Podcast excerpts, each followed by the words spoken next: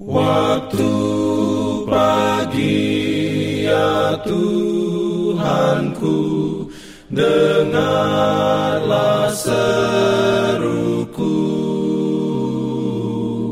Melayang doa yang sungguh Memandang padamu. Selamat pagi pendengar Radio Advent Suara Pengharapan Mari mendengarkan suara Tuhan melalui tulisan pena inspirasi Agama yang bersinar.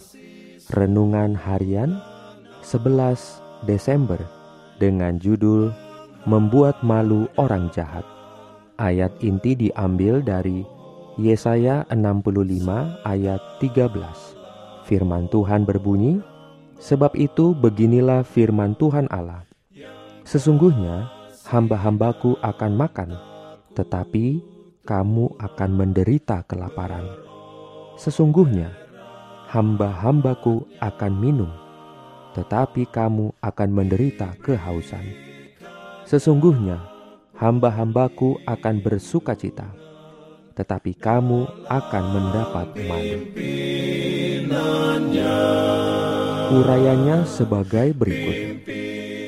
Sementara kepada orang jahat, kedatangan Tuhan itu membawa malapetaka dan kehancuran, tetapi bagi orang benar, kedatangan Tuhan itu adalah sukacita dan pengharapan.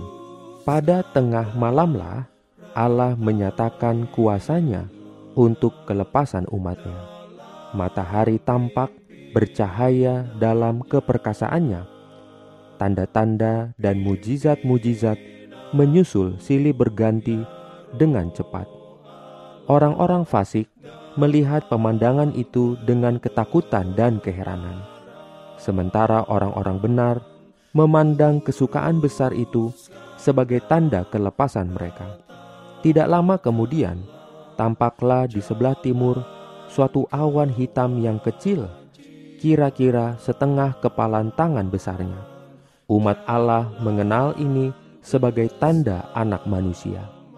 Dalam keheningan yang hikmat, mereka memandanginya sementara semakin mendekat ke bumi, menjadi semakin terang dan mulia, hingga menjadi awan putih besar yang dasarnya adalah kemuliaan bagaikan api yang menyala-nyala dan di atasnya ada pelangi perjanjian.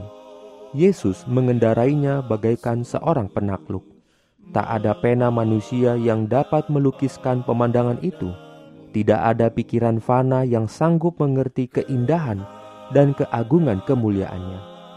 Mereka yang mengasihi Juru Selamat dengan sungguh-sungguh tidak bisa tidak akan menyambut dengan kesukaan pemberitahuan yang terdapat di dalam firman Tuhan bahwa Ia yang menjadi pusat pengharapan hidup kekal akan datang kembali, bukan untuk dihinakan, dibenci, dan ditolak seperti pada waktu kedatangannya yang pertama, tetapi dengan kuasa dan kemuliaan untuk menjemput umatnya. Hanya mereka yang tidak mengasihi Yesus Juru Selamat saja yang ingin supaya ia jangan datang.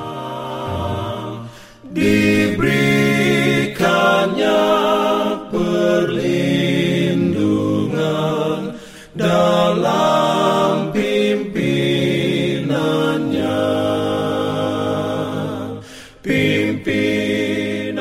lupa untuk melanjutkan bacaan Alkitab sedunia.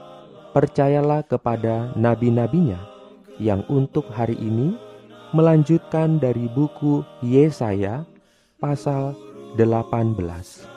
Selamat beraktivitas hari ini. Tuhan memberkati kita semua. Jalan